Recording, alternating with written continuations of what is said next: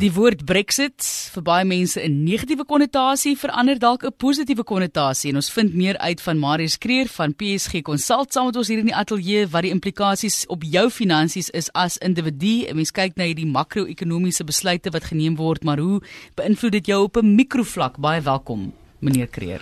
Uh goeiemôre Martelies, môre luisteraars. As ons nou kan kyk na Brexit net, wat is jou opinie, jou mening van wat daar plaasgevind het? Ja, ek dink uh daar is omdat dit mos nou 'n iets gebeurtenis is wat nie in die afgelope 10 of 20 jaar gebeur het nie. Was daar eintlik net bespiegelinge in die begin gewees oor wat die implikasies is. Natuurlik uh omdat die pond baie verswak het en ons uh is een van ons grootste uitvoerhandelsvennote uh die Verenigde Koninkryk gaan dit natuurlik vir mense bietjie seermaak wat uitvoer. So ons uitvoermark wat in pond geprys is ehm um, gaan gaan 'n bietjie swaarder kry. So dit dit is 'n implikasie. Maar wat ook gebeur het is as gevolg van die onsekerheid wat daar is en heeltyd is, mense sien heeltyd die wisselkoers gaan van 1450 na 1670 toe, dit is 7 8% in 'n week en ek volgende week is hy weer, vandag is hy weer 1433. So daar's ongelooflike onsekerheid, dis al wat die mark vir jou sê. En in onsekerheid tye is dit moes jy al jou strategie in plek gehad het.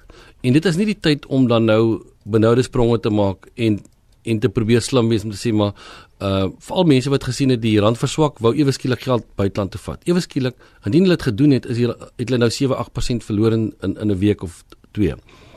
Uh die mark het verswak met 5-6%. Ewe skielik het die mark 4-5% teruggekom.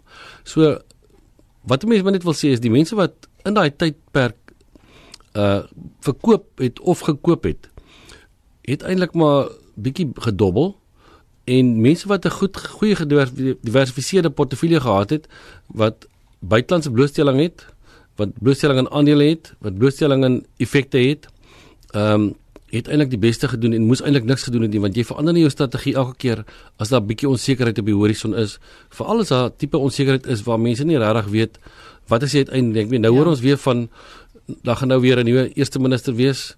Uh, Daar's 'n moontlikheid van ehm um, die hele stemming wat nie geldig is nie.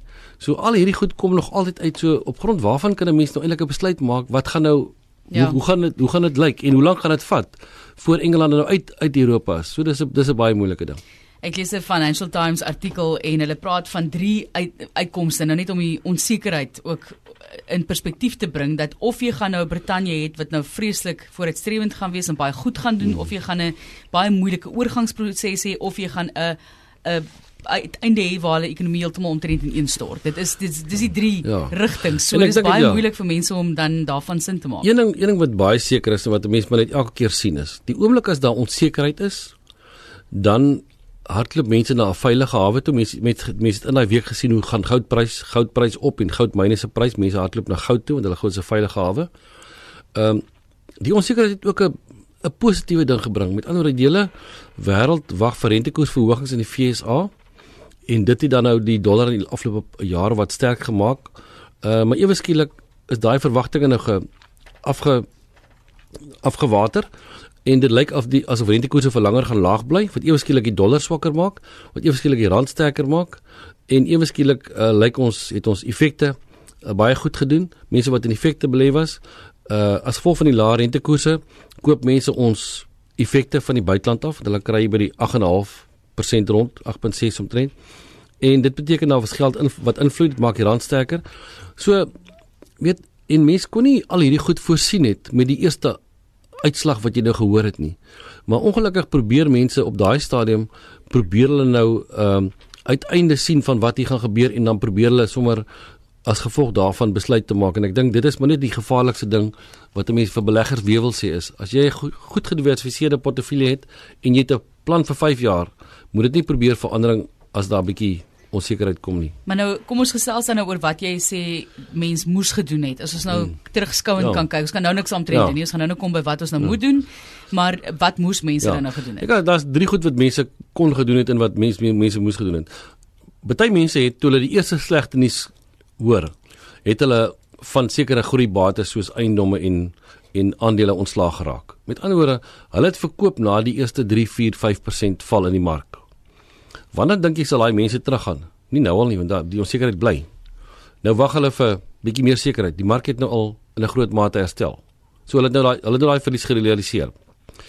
Die mense wat die beste gedoen het en dis altyd die die moeilikste om te doen, is mense wat op daai stadium reeds in hulle portefeuilles miskien 'n klomp kontant gehad het en gebruik gemaak het van die markswakte om te koop op daai vlakke. Want eiendomme se pryse veral in die in die in die VK het, het baie afgekom. Aandele het daai afgekom. En natuurlik uh mense wat nou ook die, wat op daai stadium gedink het hulle gaan nou geld uit die, uit die land uitvat. Hulle hulle het ook seer gekry. So die mense wat die beste gedoen het, is eintlik mense wat in die swakte swakte swaktye gekoop het. En natuurlik die mense wat se portefeuilles reg gestruktureer was voor die tyd wat niks gedoen het, het beter gedoen as die mense wat op daai stadium as gevolg van vrees of onsekerheid probeer uit die mark uitkom. Ons praat nou al van onsekerheid vir 'n lang tyd, né? Nee? Ons praat oor onsekerheid en dan kom Brexit. En dan praat ons weer van onsekerheid, maar dit voel eintlik asof mense altyd in 'n in 'n posisie van onsekerheid verkeer. Ek meen wanneer laas in die afgelope dekade kan mense tyd onthou waar ons regtig ja. seker was van sake. So ek wil net geweet het wat jy Ja, ek dink ek dink ons is altyd in onseker tye. Ek meen baie keer dink 'n mens jy's nou dit gaan nou eintlik baie goed en die volgende oomblik vlieg daar 'n vliegtuig in 'n gebou vas of daar ontplof 'n bom iewers. En ewe skielik kom jy agter maar dit is nou weer 'n klomp uh nuwe ding wat moontlik kan gebeur of nie kan gebeur nie, daar's weer onsekerheid. Ja. En dan net gevinnige vraag voordat ons nou kom, jy wil spesifiek ook fokus op fooie. Sal die pond weer versterk na Theresa May in plek is? Dis nou 'n vraag wat deurgekom het en wat dink jy is die vooruitsigte van uh Groot-Brittanje op hulle eie in die toekoms? Dan praat ons nog nie eers wat die ja, skotte en al daai Ek dink ek dink vir mense wat voorspellings maak is regtig ehm uh, vat 'n bietjie van 'n kans omdat daar nog soveel onsekerhede is. Mense op die stadium weet mense nie of uh Skotland wil nie uitgaan uit die Here uit. Gaan hulle dalk nou op hulle eie probeer weer 'n referendum mee of om onafhanklik te wees. Uh Wales wil nie uitgaan nie. Gaan daai gaan Groot-Brittanje dalk net Brittanje word. Jy weet. So met ander woorde, daar's soveel onsekerheid dat enigiemand wat nou waag om 'n voorspelling te maak, dit sal net 'n voorspelling wees. So ek is ek is ongelukkig nie slim genoeg nie en ek het nie 'n kristalbal om dit te probeer antwoord nie. Dadelik dink ek aan die televisieprogram Little Britain. So ja, nee, dit is hier op RSG sê maar vir ons wat jou opinie is, maar kom ons kom nou volgende by jou individuele die impak wat dit op jou het, hmm. maar kom ons kyk na fooie volgende, ja. dis vir jou ehm, 'n um, Ja, dis nogal vir my 'n 'n kwessie. Ek dink het, het ons is nou in 'n in 'n stadium en ek dink in 'n jaar of 2, 3 miskien waar ons in 'n lae opbrengs omgewing is.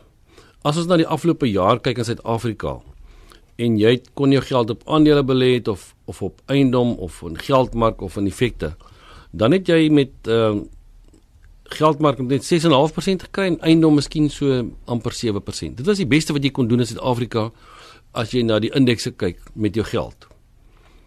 En die oomblik as jy daarna kyk, natuurlik het ons gelukkig daarom groot deel van ons kliënte se geld in die buiteland gehad wat nou baie beter gedoen het as gevolg van die verswakking van die rand en dit het ons het ons opbrengste baie gehelp.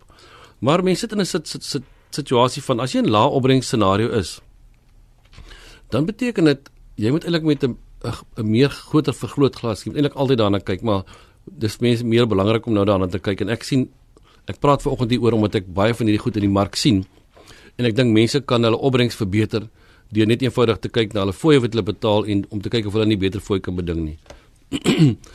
dan wanneer mens na fooie kyk, dan moet jy besef as jy 1% op jou totale portefeulje in die in die in terme van fooie of kostes kan spaar. Dan is dit 10% per jaar, 10% oor 10 jaar. So as jy 'n miljoen rand het, dan is dit 100 000 rand oor 10 jaar plus die groei op daai op daai 100 000 rand. Ons onderskat nog daai akkumulatiewe ja, waarde. Ja, en dit dit dit maak 'n groot impak impak op jou portefeulje vorentoe want as jy nou 20% opbrengs kry wat die mark vir jou op tye jare gee en jy betaal 'n 3% fooi, dan is dit maklik om te sê maar jy weet ek het daar nog 17% opbrengs gekry, dan kla mense nie maklik oor die fooi nie. Maar as jy opbrengs net 8 of 9% is, jy betaal 'n 3% fooi in plaas van 2% dan beteken dit jy kan nou in plaas van 9% 7 kry in plaas van 6. Dit dit maak 'n groot verskil op jou op jou verwagting van jou van jou belegging. Ek dink dit daar's gewoonlik wanneer mense geld belê, kom ons kyk maar net na effekte trust en aandele. Dis waar die meeste mense hulle geld belê, hulle aftree geld. Uh en natuurlik by die banke ook. Wanneer mense effekte trust koop om sommer net daarmee te begin, dan kan jy dit nou koop by 'n 'n beleggingsmaatskappy, 'n batebestuurder direk Jy kan dit deur iemand daar koop. Uh jy kan dit ook by 'n bank direk koop. Al die banke het effekte trust, maar dit of geld maak. Dit is maar net 'n effekte trust. Maar baie van die banke vra jou 'n aanvangsfooi.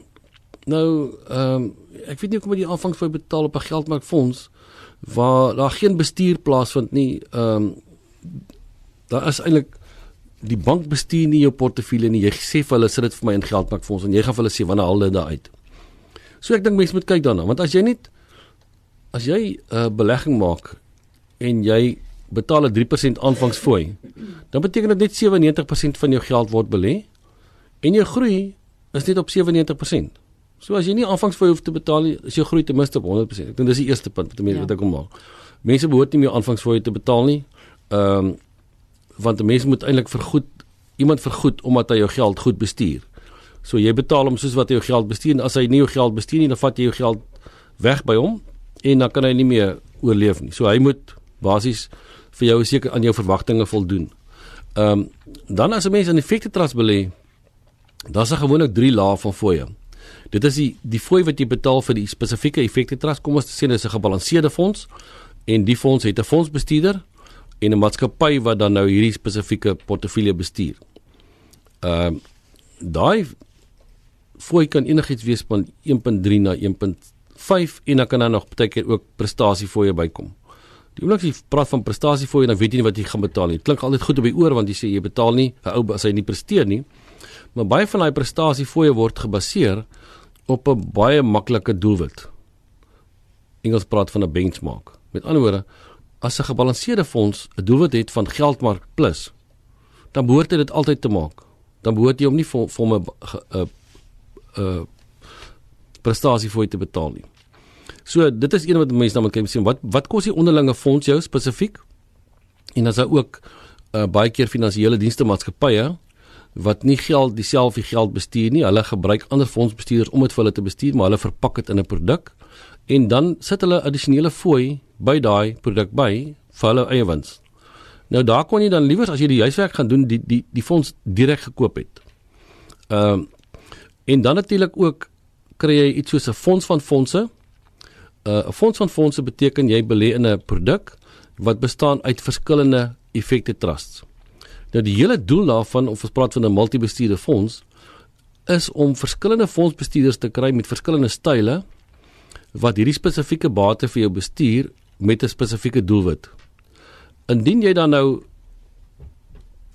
so 'n fonds kies, dan verwag jy jy gaan nou van die top 4 of die top 5 fondsbestuurders in die land hê wat daai spesifieke portefeulje van jou bestuur want jy wil nie noodwendig alles vir een ou gee nie want as jy alles vir een ou gee en hy maak 'n fout dan dan is 100% van jou geld van daai gedeelte van jou portefeulje is dan by een fondsbestuurder.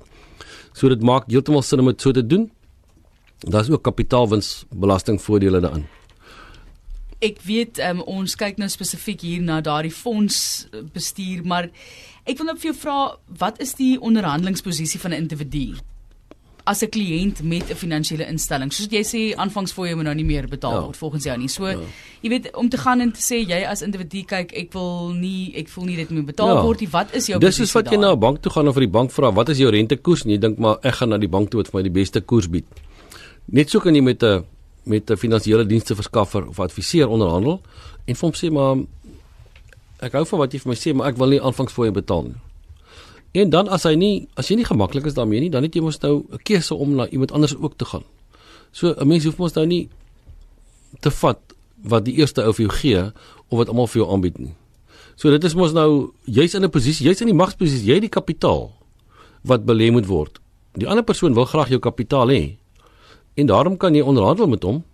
Maar mens moet ook nie na 'n punt toe gaan waar jy dink jy gaan niks betaal nie. As jy niks betaal nie, gaan jy ook niks kry nie. So ehm um, die arbeider is sy loon werd en hierdie persoon of maatskappy se bestuur van jou geld en uh ondervinding gaan bepaal of hulle vir jou goeie werk gaan doen of vir jou goeie opbrengs kan gee beter as wat die gemiddeld is en ek dink daarvoor moet jy betaal. En 'n uh, vraag het hier gekom het en ons kry gereeld sulke tipe van vrae. Iemand sê hulle is 80 jaar oud.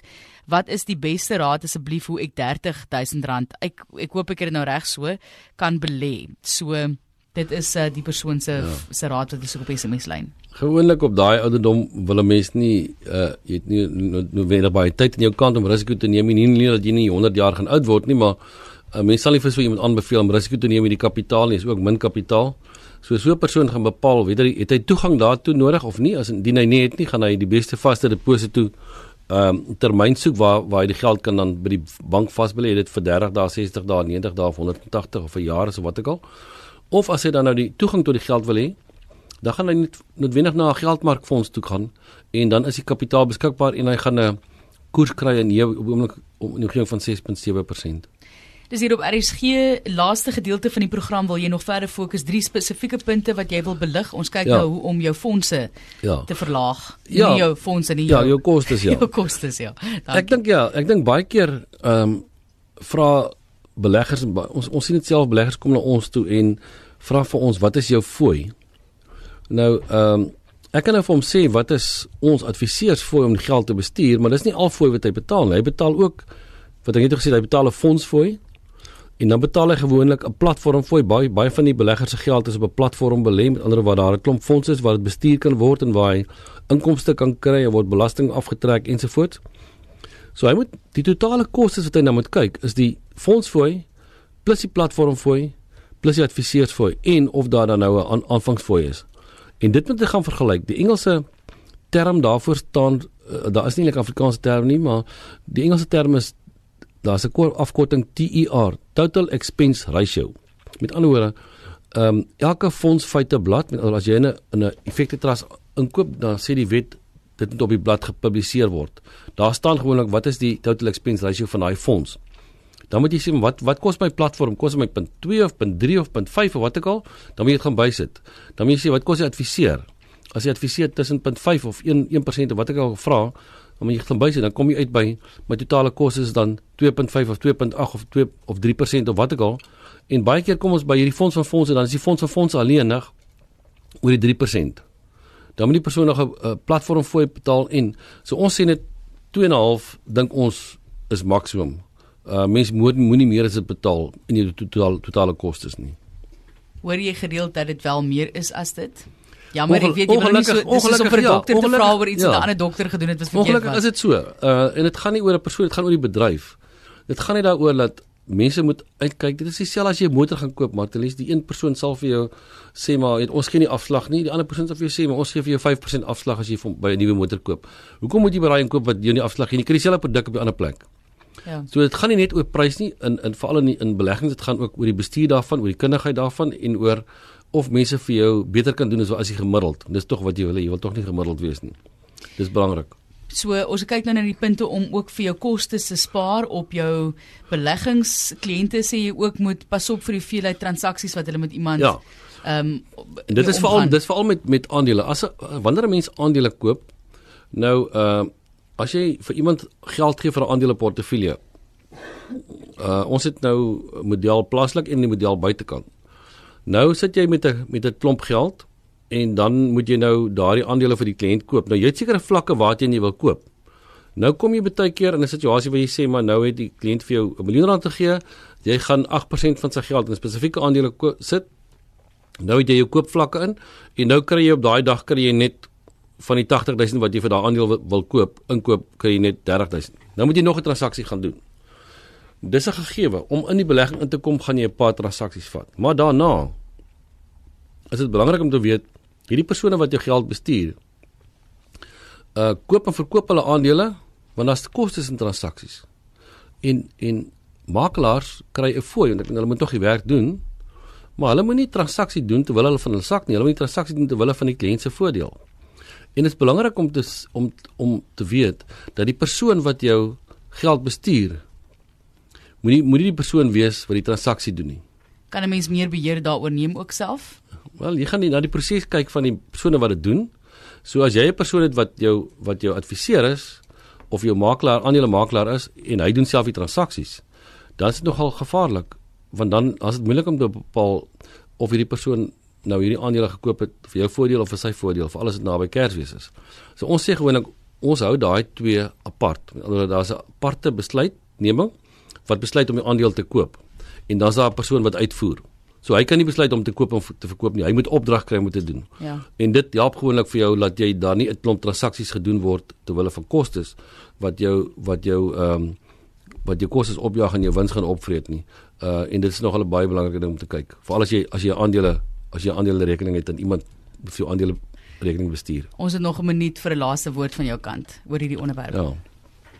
Ja, ek dink dit kostes is nie die alfa en die omega nie, want as jy niks gaan betaal nie, gaan jy ook niks kry nie. So uh maar mense moet dit ondersoek, hulle moet weet wat is totale kostes en hulle moet dit vergelyk.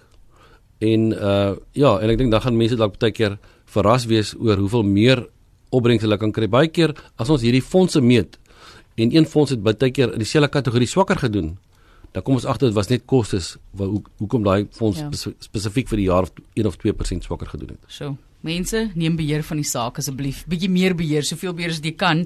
En ek dink dit is wat hierdie programme ook probeer doen om jou in te lig daarvan, daarvan en dat jy ook meer weet en met die gereedskap na daai makelaar toe kan gaan en kan sê, luister, ek wil hierdie hieroor opvolg. So nou het jy gehoor wat Marius Kreer te sê het van PSG Consult kontak besonderhede as mense nog vra het. Hulle kan vir my e-pos stuur uh, martelies.kreer@psg.co.za of hulle kan vir my skakel 0861 348 190. Hulle gaan of in die Suid-Kaap of by Gauteng uitkom maar hulle sal wel by 'n adviseur of iemand uitkom wat vir hulle kan help met advies. Dis 0861 348 190. Baie sterkte met daardie beheervat. Baie dankie Marius. Dankie Matlies.